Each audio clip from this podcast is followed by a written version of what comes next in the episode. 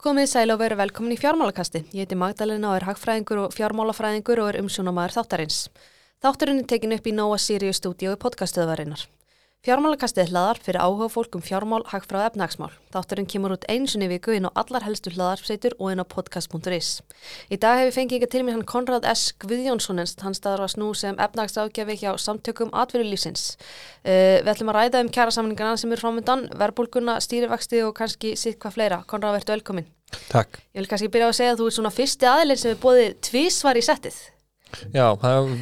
vorum ekki að tellja að það, að það er nokkru tugi til að ná upp í ringin aftur Jú, jú, klárlega, á klárlega. þessu litla landi. Einmitt. En byrjum þetta bara, þú varst nýlega ráðið sem efnahagsráðgjafi samtaka atvinnlýsins fyrir komandi kjæraviðræður. Hver, hver eru svona þín helstu verkefni? Uh, þau eru svona fyrst og fremst að bara styðja við essa í þessari vekkferð sem þessir kjærasynningar eru og þá, það sem er snýra svona sína á efnahagsmálin og það sem er gerast í hagkerfinu og bara ímsa svona bakgrunnsgreiningavinnu og svo náttúrulega sjálfsögðu önnur tilfallandi verkefni fyrir, fyrir samtökin uh, maður er, er svona kannski ein ástæð fyrir maður að koma inn og maður að fylla, fylla í rísastór fótspor, mann er kannski upp í eina tónnaðum að hann er hérna Hanneski Sigursson sem er búin að vera, ég myndi segja máttastólp á íslensku vinnumarkaði síðan fyrir þjóðasott, hann var að láta störfum aðstofa framkvæmstjórun annar hefna en í fæðingarólafi, þannig að það bara vantaði svolítið mannskap þannig að það er, já, næg verkefni sem að eru, eru, eru núna sérstaklega þegar er þessi álagstími sem að þessi kjærasamningar lota er og verður áfram. Einmitt, er óvægt að segja að sé allt að fara í gang? Ég held að núna sé þetta svona farin að koma svolítið kraftur í þetta. Alltaf farin að, uh, ég sé, uh, hvað maður segja kalendari hjá manni er að fara að fyllast uh, tölvöld meira yfir daginn statastöðut og núna eru allir, uh, allir aðlarnir að símein búin að leggja fram kröfugerðir og við erum byrjuð að ræða við yðinað menn, komum svolítið að stað með að ræða við þá, við erum komið svolítið að stað að ræða við starfsgrænarsambandið og vaffer og landsamband íslenska veslunumanna og svo núna á förstu daginn þá uh, hittum við eblingu í fyrsta sinn og þá fer það líka stað. Þannig að þetta er svona alltaf gerast og já, bara svona tilfinningin og það er örgulega misið hvernig fólku upplega en ég finn svona slagkrafturinn er að þetta er að, er að fara að koma aðeins núna en, en við skulum svo bara sjá til hvernig það þróast svo, já, næstu vikunar Einmitt, nú lítur að vera virkilega krafjanda semjum kjör í þessi ástandi sem núna ríkir, verbulga og vexti háir og svo framvegis. Hvernig metur þú kjæra verið slíka ástand? Við höfum svolítið lítið á þannig að núna sé kannski, það er kannski svona þrent sem að við þurfum að, að kannski huga að útfara þetta á eins, eins að vegu en ég myndi segja þetta er svona nokkur nöginn þrýta þetta er fyrsta lægi að reyna að koma okkur í þá stöðu og við getum gert svona búa til forsendu fyrir svona samningi í meiri vissu og til lengri tíma uh, ég ætla ekki að útiloka það en það er bara líku fyrir þessari verðbólgan er svona há við erum ennþá að sjá vakstast um allan heim hækka og tvísinur efnaðsórur um allan heim og það er kannski ekki gott að vera að fara í jafn langa samning og síðast. Við sjáum kannski fram á hans eitthvað stittri en við þurfum að reyna þá um leið að hugsa okkur hvernig getum við lagt okkar að mörgum til að vera þá fórsöndu fyrir að gera lengri samning einhver tíman eftir einhver uh, x tíma. Uh, þessu tengt ég held að stærsta tækifæri til kjarabóta núna sé ekki endurlega gegnum launaliðin eða vinnutíma eitthvað svo leiðis ég held að stærsta tækifæri segja í því að við leggjast öll á eitt við að ná niður vöxtum. Því að það er stór hópu fólkstana sem er á breytilegum vöxtum eða er á föstum vöxtum og mun fá risastóna skell í andliti á næstu missirum þegar það fer á föstum vöxtum og yfir breytilega óbreytu að fyrir þennan hóp sem er, við veit ekki hvernig stór þetta eru, ég myndi segja einhver svona 20% heimila, ég veit ekki hversu margir tugir, kannski fáir ég veit ekki, en, en þetta er alltaf stór hópur sem þetta getur skipt verulega miklu máli fyrir og í raun og veru þýtt kaupmáttar aukningu sem að þú nærði ekki fram með bara venjulegri framlegni þróun og þróun á markaði sem er kannski nokkuð prósund á árið, þú getur fengið rosalega mikil áhrif þarna og þess að segja hjálpa til við hitt. Og þannig að að það er hérna eitt, var, já ég nefndi þrjú aðtrið og ég held ég múin að gleyma því þriða en þetta er allavega svona tvent sem allavega mér mjög ofalegi í huga svona hvernig við erum að, að líta á, á stöðuna og svo náttúrulega kannski já líka bara það hefur gengið ótrúlega vel síðustu ár. Við höfum náð ágætis árangri en að sama skapi, maður skoða bara launahlutvall og bara ráðstunatekjur þá þeirra og laun okkar í alþjóðlu sambyrði og ímsa mæli hverða að við erum búin að tegja okkur eins og rosalega langt í, í kjarabótum að að það er svolítið bara að reyna að finna einhver nálgun til þess að við náum að, að verja þennan árangu sem hefur næðist náðast, jáfnvel þó að þurfa þýðið að þurfa aðeins að halla sér aftur að taka pínleiti skref aftur og bak til þess að geta sprett svo áfram við skulum bara sjá til hvernig það fer. Einmitt. Ertu bjart síðan á svona einhverjir samningar sem báður aðalar getur verið sáttir með? Já, sko Já, já, ég er alveg bara þokkilega bjart en þú veist, ég reyndar alltaf með svona samninga að það er Viljið til þess að ná vöxtum niður ég finn, ég, já, ég er bara alveg samfæður um það, menn að maður heyri bara um það að, að fóristmenn verkefælisreifingarnar eru að tala mjög ofinskátt um þetta. Og þeir eru alveg sammála um þetta og við höfum alveg rætt við þá og þeir eru alveg sammála en bara hvað við höfum að gera í, í launa liðnum varandi það er svolítið erfitt og menna, við erum ennþá pínu á þeim stað að við erum að rýfast um hvort það sé eitthvað samband millir laun og verðlags, það blasir augljóslega við, Meina, 60% af öllum kostnægi hafkernu þegar uppi staðið eru laun. Hefur, það hefur áhrif á, á verðlag til lengri tíma, það er mjög skýrt langtíma samband. Vandamáli er það að þetta samband það er rosalega sveiblu kent til skemmri tíma hversu næmt hversu mikil næmnin er þannig að það er mjög erfitt að finna orsakarsambandin, það þýr að það sé ekki til staðar, það bara áhrifin tínast í öllu hínu sem hefur áhrif á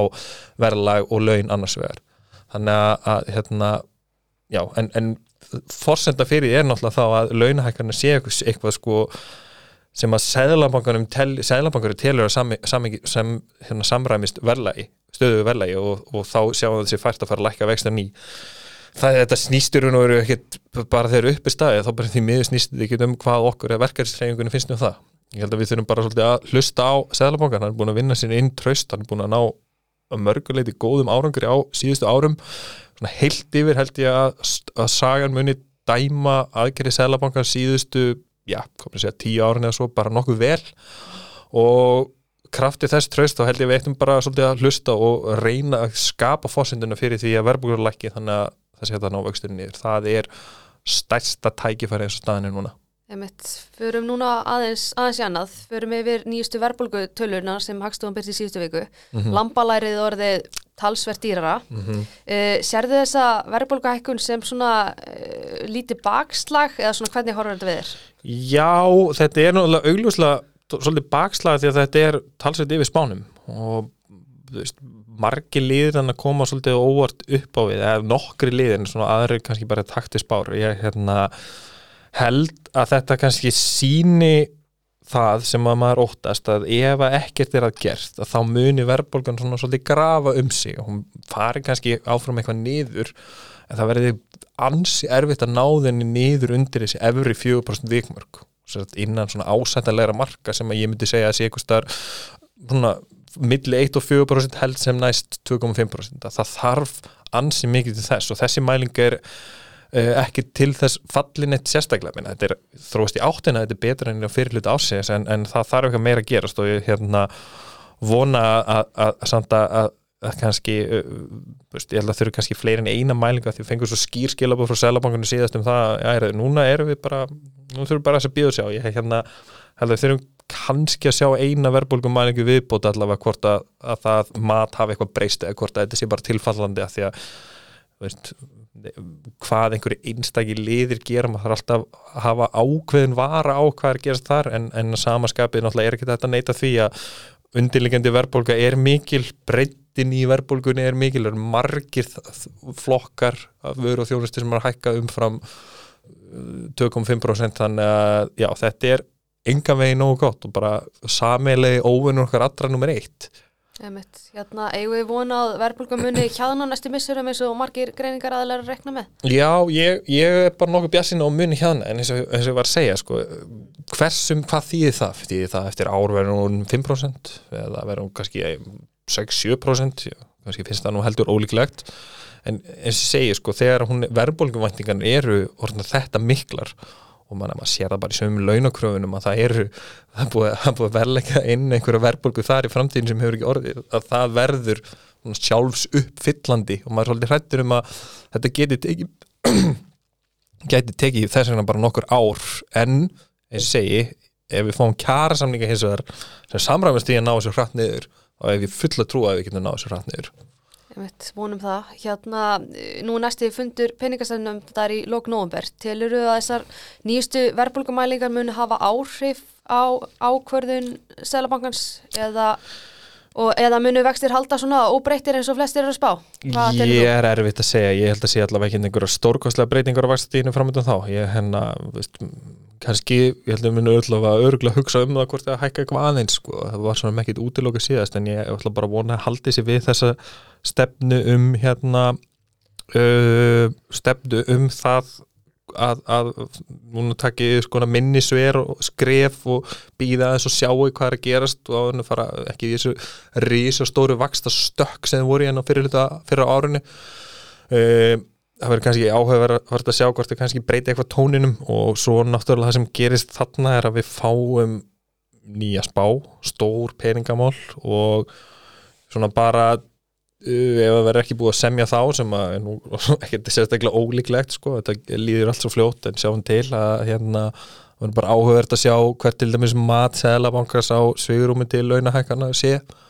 Því það er nú ofta að lesa um það einhvern veginn á milli línana í, í peningamálum þannig að ég, ég er nú eiginlega líka við ég sé alveg spenntar fyrir því heldur hvort er haldið vöxtum og breytum, breytum eða hækjum 25 púnta Einmitt. Hérna nú hefur uh, margt verið rætt og ritað um fastegnamarkaðin hér á landi en það hafa hækkanir verið gífilega miklar. Áttu vona einhvers konar leiðréttingur á fastegnamarkaði? um, sko einhvers konar leiðréttingu já, ég held að það sem kannski er rétt orð, orðið ég, er búin að vera töluveren tíma þeirra skoðunum að, að þetta sé bara muni sko, stoppa og svo eiginlega komin að þá skoðun að muni eitthvað lækka um, hversu mikið það hvort það sé að fara að lækka eitthvað mikið ég held að þetta verði nú aldrei einhverja verulega lækkanir. Ég held að, að, sko, að það sem að blasi við núna er það að meða við bara tekjur fólks vexti og leiguverð þá er fastegnaverð að ég held eiginlega bara alveg öruglega hærra en stænst í lengri tíma. Og það er bara spurningin að allar að aðlaga fastegnaverði að því? Með því að það komið niður einhvern veginn allt hitt snúið við. Það sem við náttúrulega gætum séð er að leiguverði þannig að þetta samræmist eitthvað því að bara eins og staðnir í dag ef þú myndir bara reikna dæmi til enda þá er ég nokkuð vissum að flesti minnum koma þeirri niðurstöði þess að fara að borga 20.000 krónir meira með það að fara að kaupa íbúð á með mikill skuldsetningu og með öllum þeim gjöldum og fastenglu gjöldum öllum sem því fylgir versus það að myndi fara að leia hana. Ég, það, það er eiginlega bara staðnir svona núna. Uh, þannig að leigan gæti átt eftir að tikka eitthvað upp en að vona að það verði ekkert einhverjum svakalegum stökkum því að það hjálpa náttúrulega verðbólgun ekkert sérstaklega mikið. En það náttúrulega er að gerast áfram á tekjuhliðin er að, að það er ennþá tekjur að hækka. Og minna ég held að við séum ekki að fara að sjá sko 0% launahækkanir en á, næstu miserum þannig að það verður einhverju launahækkanir sem vinna eitthvað þar á móti. Og eins og ég segja við náum koma vöxtunum niður. Á sama tíma og kannski tekjunum aðeins að hækka og þetta fær svona aðeins að jafnist þá held ég getum komist hjá því að sjá eitthvað svakalega skell á fastegnumarkanum að það kom við kannski einhver lækkun og ég bara ágætt bara minna á það því það er einhvern veginn, ég veit ekki hvernig það gerðist að var til svo hugmynd að fastegna verða að lækka ekki á Íslandi. Er, það er rúmur, að rétt rúmur áratugur síðan að fastegna verða að lækka um hátt í 20% og tveggjára tímabili. Ég er ekki fara að segja að það gerist núna mér finnst það frekar ólíklegt. En, en svona, veist, það er bara eðlilegt að verða á eignum lækki þannig að spurðu bara alla sem að, að, áttu hlutabriði byrjun ás og eiga það ennþá. Það myndi, myndi segja það og minna, fastegnir er ekkit öðru sem aðri eignaflokka hvað það verða. En hins vegar náttúrulega er meiri kannski træða til þess að lækki en minna, veist, það, það er líka já, sjáum bara til en hérna ég ætla, ekki, ætla að vona sér ekki einhverja kollstepur framöndan en þetta verður, já, einhver kannski tegur tíma á hann við fáum að sjá fastegnumarka er svona rísa á ný Einmitt, sjáum bara til hérna, hérna aðeins um ástandi erlendis. Uh, Verðbólk hefur aukist, bæði Evropu í Bandarík, bandaríkjunum og vakstahækkanir verið miklar og hugsalegt að hækkunarferlinu þar sé ekki lokið. Hvernig svona metur þú stöðuna? Nú var verið að tilkynna um já, 75 púnta hækkun í Bandaríkjunum rétt í þessu. Uh,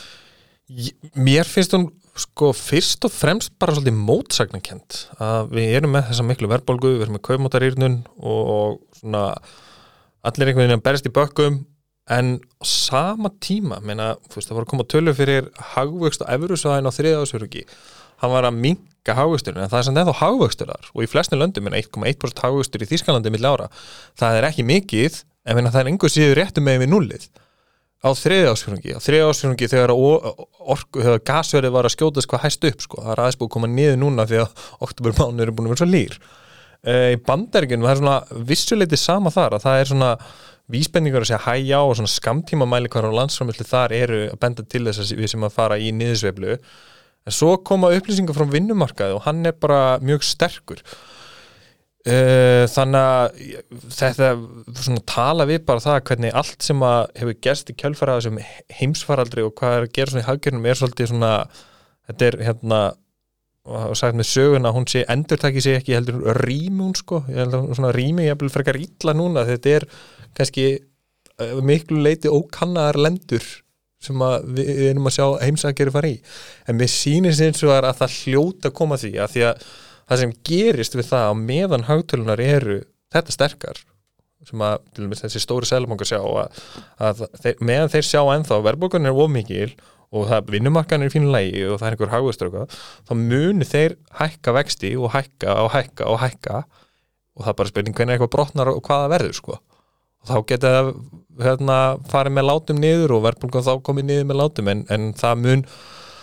mögulega kosta tölu verða fórnir eins og bara sagan kennir okkur um það þegar að selamangar ætla að fara að taka lóksis á, á vandanu sem ómikil verðbólga er Einmitt. En hvað svona með Ísland? Nú erum við að sleppa við orkukrísu segi eins og Mhm. flest Európurlönd, atvinnuleysi lágt og við hófum vakstækunarferðli svona fyrr en aðrir, seðlabankar. Uh, hvað með svona utan að komandi áhrif? Býstu við að svona slæmar efnagshorfur erlendis muni svona koma til með að hafa einhver neikvæð áhrif á Íslandi? Já, ég held að það hljóti eiginlega að vera og erum kannski einhver leiti bara sjá það nú þegar í það, ég, mann sýnist að til dæmis að fiskverð það sé nú búið að toppa og sé eitthvað aðeins að koma niður og menna, veist, á- álverðið er aðeins búið að koma niður líka erfitt að segja með ferðarþjónustuna að náttúrulega ákveðin svona óvisa þar þegar við erum náttúrulega búin að vera fara í gegn með þetta tímabil það sem allir bara verða að ferðast eftir COVID sko en núna eru bara kaupmáttar rýrnum í viðskiptulandinu okkar og ferðarlegu er ekki beint eitthvað sem það þarf nöðsynlega að gera. Þannig að e, það er ákveðin hætta kannski, ég er ekki að fara að segja að, við sem að fara að segja ákveðin mikið samdrátt í ferðarþjónustu, að kannski ákveðin hætta hins vegar að það verði hérna, erfiðar kannski að fylla flugvelunar framöndan það segja þessi ákveðin áhættu þáttur náttúrulega þegar ef að þetta sérstaklega ef þetta fara grassir og, og vextir hækka bara að hefur verið keirð niður í hérna dífu og fólk verið að vissa vinnuna það í, í viðskiptalundum, það er sérstaklega þá kannski sem við þurfum að hafa áhyggjur og vissuleit erum nú bara að sjá það nú þegar að hérna útflutningur til dæmis í svona ímsi annari þjónustu, hugbúna geranum og þess að þar hann myndi segja hafi verið kannski aðeins undir væntingum á árinu. Og við að vera meiri kraftur því að síðustu ár hafa lofa svo góðu. Þetta er kannski einhverju líð bara í takti sem búið að gerast bara í hugbúnageranum og í tæknigeranum út í heimi sem er búið að vera bara mjög erfið menn að sá allir hérna nýjustu fréttina af Facebook áttu búin að áttu alveg vonlaust uppgjör og bara hlutabriðaverðinu búið búið að sparka í held í einhver sex ár aftur í tíman þannig að, að, að þetta er nú þegar aðeins að hafa áhrif og þetta mun hafa einhver áhrif og við erum alveg svona eins og segi, varandi þessa kjærasamninga og svona hvað er framöndan í þeim að, að við sem að horfa fram á möguleg einhver svona sviðsmynd það, það er eitthvað sem að við þurfum að, að taka til til við við, við kjærasamningsborið og, og svona tala svolítið inn í þetta sem ég er að nefna á þannig að það sem kannski ekki tíminn til þess að gera þryggja fjögur ára hérna kjærasamning núna heldur kannski eitthvað aðeins stýttar en það Einmitt, einmitt. Uh, nú hefur verið reygin svona talsverður viðskiptahalli á undarferðinu misserum. Uh, telur að viðskiptahallin hér á landi sé á hár? Hvernig svona metið þú hallan? Sko, uh, miða við hvernig hafkerfi við erum þar sem við búum við lífeyriskerfi sem að býr til alveg rosalega mikinn sparna og lífeyriskerfi sem er ótrúlega stórt með allt annað í hafkerfinu að þá svolítið og, og það við sem ennþá frekar ung það segir okkur við ættum að vera frekar með viðskipta afgang við erum ekkert í einhverjum stórkostlegum það sem ætti væri að búa til kannski viðskipta halla er það að við varum í rosalega miklu fjárfestingar skeiði hérna, byggja upp ykkur rosa innviði og það var að koma nýjar atvinningur eins og til dæmis viðskipta hallinin árunum fyrir fjármálakreppu. Hann var að stórun hluta bara því að því, út af fjárfestingu í káranhugavirkun og alverun alkóa fjárðaáli til þess að búa til útflutningstekju setna það fer eftir svona hvað hann kemur. Viðskipta hallin okkar núna hann er ekki svona, hann er fyrst og fremst uh, það að við erum búin að auka tekjur meira heldur en að verðmættisköpun við erum búin að vera, þú veist, við erum að sjá ofinbera með mikinn halla sem fer beint inn í viðskiptahallan en ekki einu orsöku þess. Og með þennan þessa stærð á til dæmis lífyrirsjóðanu sem þurfa að fara út með sko töluvera fjáraðir að þá séu ekki alveg ganga að við séum með svona viðskiptahalla. En sama skapi þá eru spára ekkert, við mér ekkert rosalega hérna benda til þess að það sé að fara að batna jú, það eru hérna greiningarleildi sem að vera spáð því að við fáum viðskipta afgang á næsta ári en bara, ég vona ég sé ekki að móðka neitt en þessu sömu greiningarleildi voru ansi lengi þó að það væri orðið augljóst fannst mér að þá voru þær ansi lengi haldaði fram að er þið viðskipta afgangur í ár mm -hmm. og bara horfir á það hvað við erum með mikla tekjur í alþjóðlegu samingi hvað við, það er mikil halli allstaðar svolítið bara á kerfinu eins og leggur sig að þá sé ég ekki fram á annað heldur að verði með einhvern viðskiptu hall á næsta ári. Ég hins vegar held að það verði kannski aðeins minni en jár en verður einhvers veginn viðskiptu halli og svona talandi um launasvigurum og, og þetta sem ég nefndi á þann við erum búin að tegja okkur svo langt í allar átti til þess að, að ná fram, knýja fram launahækkanir sko, þetta er að hluta til byrtingamynda því. Því að skoða til dæmis bara hlutfall vermaðarsköpunum sem verið laun það er bara mjög skýr fylgni með viðskipta ágangin, eðlilega því að það hefur tilningu til þess að fara í þá meiri innflutning einhver leindi uh, veist, þetta er það er ekki enn, það er ekki enn að vera slæmt sko, en, en, en þetta er alltaf með spurningum að finna jafnvægi, en ég, ég sé ekki fram á annað en þetta þurfi einhvern veginn að leira þetta sig og ég ætla að vona að það veri í gegnum sterkari útflutning frekar heldur en eitthvað gengisvall eins og í lókin aðra við fyrir að ræða léttunótunum eins og við gerum oft hér. Uh, er eitthvað ákveð sem við getum lært á undanförnum áratug til dæmis þetta er svona almenn spurning, fóru vextir og látt í COVID til dæmis uh, eða, eða bara eitthvað annars? Sko, ég eina uh, að því var nú að nefna hér ofinbera, ég held að það sem er kannski, þetta er nú svona lærdómi svolítið að COVID sko að þú veist að mjög mikið tala um það að þetta áfall væri öðruvísi og bara ofinbera þurfti bara að fara all in í að gera alls konar sem aldrei verið gert áður og ég held að lærdóminu sé það svolítið að í svona niðurseflu að það þurfi sjóna með um ákveðna varfærni í ofinbyrju fjármáli þurfi alltaf að halda sér. Eh, ég er til dæmis bara mjög hugsi yfir stöðu sveitafélaga hvernig til dæmis bara stærsta sveitafélag landsins er komið núna, við erum í uppseflu og það er bara hræðilega ákoma og lítur, með þess að áallinunar líta út þannig að þetta geti verið nýðist en, en verið raunin. Önnur sveitafélög er ekkert endilega öll mikið betri. Meina, við erum fara að sjá fram á tölvöra gjálskarhækkanir í öllum sveitafélögum og að, að svona ég held að við þurfum svona vera svolítið raunsa í því og hvað var að gerast til sveitafélögum, já til dæmis það að þau fóru í launahækkanir langt um frá það sem að gerist á almennu markaði. Og það þýðir bara það að þau voru að rýra í raun og veru afkomið sína með því hvað sem fólki líka betur að verð og með sínu svona grótt og litið til dæmis að menna, áallar það, segjum sér svo að sveitafélagin hefðu farið bara eftir almenna vinnumarkanum, þá var í afkomið þeirra 10, kannski 10-15 miljónum krónar sterkari. Þar á slatti hjá náttúrulega Reykjavík það er stærsta sveitafélagi þannig að ég held að svona, þetta er, er ég veit ekki alveg hvert ég er farið með það lærdom en, en, en svona með þessi, bara svona þessi þangagangur að þú veist það það er ekki alltaf bara að kasta peningum inn í einhverja hít hvar sem að er ofnbyrja e, fyrirtækjum og það bara verður allt betra og, og það sé svo ekkert máleikunni en að taka þetta tilbaka. Þú sér það núna, við erum svolítið síðan, nokkru mánuði síðan bara sé hægt að vera vandamál. En samt einhvern veginn er einhver rosalur hallaregstur þarna inn í ofnbyrju batteri og einhverju leiti má segja um ríki líka. Menna ríki er í Halli Ríkisjóðs er ennþá tölverður um 90 miljardar á næstari. Ég myndi segja að sé ansi mikið uh, fyrir hagkerri sem að verði bara vonandi á ágæti stað með við horfinna sem samræðast í. Svo hérna já, annað kannski varandi COVID sem að spyrjum með vextina fóruð er of langt niður? Já, ég held það eftir á heikja en svona kannski sérstaklega með við það að hvernig þetta þróaðist, hvað hagkerfið aðlæðist þessu fljótt, hvað við vorum fljótt að komast upp úr þessu uh, þetta var eiginlega miklu betra en Björn Spár gerir ráð fyrir en það var bara það, það, er, ekki, það, er, sko. það er það sem er rosalega erfitt að, að segja upptur og hefur við vitað það sem við vitum í dag þá er sælamankin aldrei lækka vexti svona mikið Nei. og hann hefur verið miklu fljóttur upp en kannski það sem kannski sem er alveg lærdómur þarna að þú veist í svona áfalli að þá kannski eru er, er takmarkanir fyrir því kannski hvað vaksta stíði sem slikt getur rétt. Það var rétt að taka vextina vel niður en það var kannski hérna miða við það svona bara alla langtíma fórsendur og það, það er líka ákveði virði því að hafa stöðugt en ekki bara láttvakst þig það er kannski eftir að higgja verið betra að hafa það með þessu ofar. En, eins og segi, Sæðalabankin án svona að mestu mína samúð fyrir því að hérna fara í stöðu en ég ætla að vona bara en, en, yngan síður, það er náttúrulega rosalega mikilvægt að læra af þessu meina nútíma peningamálastjórn, þetta er ekki nema cirka 30 ára gamalt fag þannig að það er alltaf eitthvað nýtt að læra, það munu koma einhverja krísur og þá mun vonandi þessi lærdómur nýtast til þess að geta farið svona aðeins stöðugri í gegnum það heldur við fórum í gegnum góðið með vextina. Einmitt, eins og svo oft aður, þá endi ég þóttinu léttum nótunum. Mér minnir að ég haf ekki spurt það þessu síðastur komstingað, en eh, já, þú ert búin að kannski með þekktari hagfræðingu landsins. Akkur ákvæmst að menta þig hagfræði? Uh, ég held að það sé fyrst og fremst brennandi áhugi og forveitni á því hvernig bara samfélag fólks á smáum sem stórum skala virkar sko.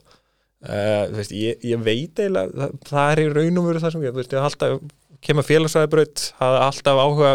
á samfélagsfræði uh, ekkert endilega áhuga pólitík, bara á hinum og þessum bara málum hvernig hlutinni virka. Og ég bara, þú veist, hugsa ennþá lengur tilbaka, sko, ég var örgulega svolítið skrítið bann ég var að, hérna, alltaf að leika með að búa til sko, þess að bara einhver svona fyrirtæki og borgir í lego. Ég vil meina þarna hafi, hafi maður séð svona fyrstu vísbendingur um það hvert stemdi þegar ég var að búa til einhver, einhverja fiskvinnslu eða einhver lítið þorp og eitthvað svona. Ég er ekki veist sem að allir hafa endilega verið að gera það. Þannig ég held að það verið svona svolítið djúft inn í mér einhver svona hérna vilja til að vilja skilja heiminn betur svona hvernig hann virka og það er náttúrulega hagfræði auðlust að bara eitt af tólunum sem að starti þess en, en þetta var ekkert eitthvað augljóst en svona, já, þetta var allavega byrjaði þarna og svo held ég bara áfram þannig að ég náði að hitta á, á það rétta í fyrstu tilrun þannig að var hefnar en margir hvað það var þar Já, hvað finnst þið svona skemmtilegast að gera utan vinnu?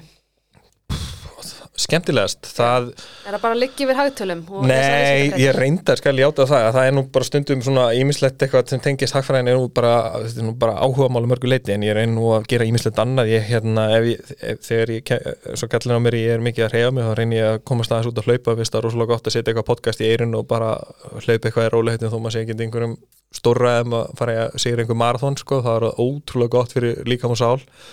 en svo finnst mér náttúrulega, þegar maður komið tvö börn þá verður það einhver leiti líka eitthvað áhuga mál það er eins og stór partur lífumann sem maður reynir að njóta þess en svo hef ég alltaf verið mikið í, í stángveiði og, og reyn alltaf að fara í einhverja túra hverju ári. Það er svona aðeins dotti niður eðlum ástæðum núna síðustu ár en svona þegar að kannski, maður svona farin að hlakka strax til að geta alltaf að prófa hvort þetta drenginu vilji koma með manni eða einhvern tíma setna og svona. Og svona já, þú veist, ég held annars að öðru leiti svona kannski frekar bara hefðbundin og, og hérna og svona, já og hérna frekar hefðbundin og óspennandi áhugamál, voðalega gott að setja stundum bara fyrir sjónvarpöðu um kvöldi og horfa á eitthvað jafnvel til að heilalaust og hlæja sko, maður þarf líka að gera það Já, klárlega. En hérna finnst þið gáðan að ferðast? Já, ég hef mjög gamla að ferðast og hérna sérstaklega annað eitthvað svona sem setur náttúrulega pínu og hakan núna konu í badnegnir að, að sko virkilega ferðast ekki að fara frí sko, mér finnst ekki vera að ferðast að fara til þennir íf sko, mér finnst skemmtilega að ferðast einhverja svona framandi slóðir sko, Eins og einföld, ég þarf bara sól, það er góð. Já, ég, ég, þú veist, mér, það er, það fer eitthvað fórsendum, sko, en ég hugsa rosalega oft í ferðalag sem ég fór í 2014, þú veist, mér langar í eitthvað svoleiðis aftur, því að það er sennilega besta ferðalag, ég get tekið bara lístæri ferði í öðru podcasti en það er kannski ekki alveg staður stund fyrir það hér. En játna, ég spurði þið nú að þessu síðast, ég man ekki hvað bóku nefndir, en eða þetta er að mæla meitni bók fyrir hlustundu fjármálakassins, hvaða bók væri það? Sko ég, hérna, þú veist, þegar hlustundum mér náttúrulega bara hlæja þessu að þetta hljómar alveg drefleðilega en trúið mér fyrir þá sem hafa áhuga á íslensku samfélagi, sögu, hagfræði, vinnumarkaði, einhver leita einhverju þessu, eða bara skemmtilegum karakterum, þá mæli ég með sögu vinnuveitnda sambands Íslands frá kreppu til þjóðarsáttar. Og byrju, hvað er það, nokkru þúsund blaði sína bók eða? Er held ég svona bara 600 sko, ég er ekki eins og búið með hana en hérna ég hérna, fór mjög hrætt í gegnum fyrir helmingin og svo datti aðeins niður ég þannig að bara að rí- ríða mig gegnum restina. En hérna það sem eh, þarna er bara að vera að segja frá sögu forvera samtaka atvinnlífsins og, sem, að- og bara þetta er bara óhjákvæmilega er þetta bara svona saga vinnumarkaðar eins og Íslandi og hvað við erum búin að gera og það sem er alveg dásanlandi í þessu er það að maður hö- horfar því að sagan rýmar sko, hún rýmar mjög mikið hvað var það vinnumarkað í Íslandi. Endalus átök, endalus að deilum það hvað er hægt að hækka launin og svo sambandi við verðbólgun og þetta fyrir allt út í verðlag og, og það eru svona tveir mólar þannig að maður hugsa bara ok, það er ekkert breyst. Í fyrsta lagi það að vinnuveitindasambandi þarna var á fulla að reyna að knýja um það að við myndum gera eins og það var gert á Norðurlendinu sjáðu hérna eitthvað hérna í Svíþjóð það var hérna nýtt samkomulega sem var að gera. Gerum þetta svona, þetta meika sér. ASI og fleiri vildi ekki sjá það og það gerist ekki neitt og við erum líka bara með nánast óbreyta vinnulögju frá sko, fjóruða áratögnum og þetta, þetta, þetta er, svona er þetta ennþá í dag því SA er ennþá í dag að benda á það að við viljum fylgja Norðurlöndunum annað þarna, þarna er verið að segja frá því til dæmis að það eru átök í ASI um milli sko sósélista og krata sko, ég vil ekki segja, segja nákvæmlega það sem er það núna en eins og segi, það leyti. það rímar og þú veist, það líka bara gaman svona litli dítilar sko að hérna maður verður svona aðeins auðm, auðmugari fyrir hagtölunum að það er til dæmis verið að segja frá því þegar forveri vísitur neysluverðs var kom til ára 1939 það voru sko held ég einhverju sko örfái týjir fjölskyldna sem að fylltu inn á einhver blöð hvað voru að borga fyrir matinn og annað. Ég veit að ég hef eitthvað 30 fjölskyldur eða eitthvað, maður var svona, úf, ok, maður taka sem fyrir var, það er ímislega skemmtilegt og ég segi, þetta er hljómar alveg hræðilega leðilegt en þetta er alveg bara það er alveg ótrúlega skemmtilegi mólar í þessu. Já, getur verið gaman að klukki hana. En er eitthvað að lóka sem vil koma á framfæri? Kannski eitthvað skilabóðin í kæra viðræðunar? uh, ég, þessi kannski bara endur teka það sem ég held að ég hef nefnt á þann að, að public enemy nummer eitt, sammiðlega óinu okkur alla það er verðbólgan. Og það er eitthvað sem að við náum ekki að berja niður nema að allir takist á eitt. Og það skiptir ekki máli hvort að það sé bara veist, að geta vinnumarkan er þar stór þáttur af því. Uh, ég skal þá alveg við hana menna alþjóðlega þróun og ímislegt það getur ímislegt gerð sem getur breytt í en að minnstakosti verðum við að reyna og láta reyna það, getum við náðu þessu niður sjálf hérna alveg veist, og bara, ef eitthvað annað gerist þá bara gerist og við bregðast á við aðstæðum þá en ég held að það sé miklu meira en tilhörnar verði að því að ef ekki er ég skítrættur um það að við getum verið á leiðin inn í annað og langt og mjög vond verðbólgu skeið. Konrad, þakka kærlega fyrir komuna. Takk fyrir. Fjármálagastið verður ekki lengri í dag en ég vil þakka ykkur kærlega fyrir hlustununa og minna á Instagram og Facebook síðu fjármálagastins þar sem upplýsingar um nýjustu þættina kom inn. Nýr þáttur er væntalega í næstu viku, þanga til, verið sæl.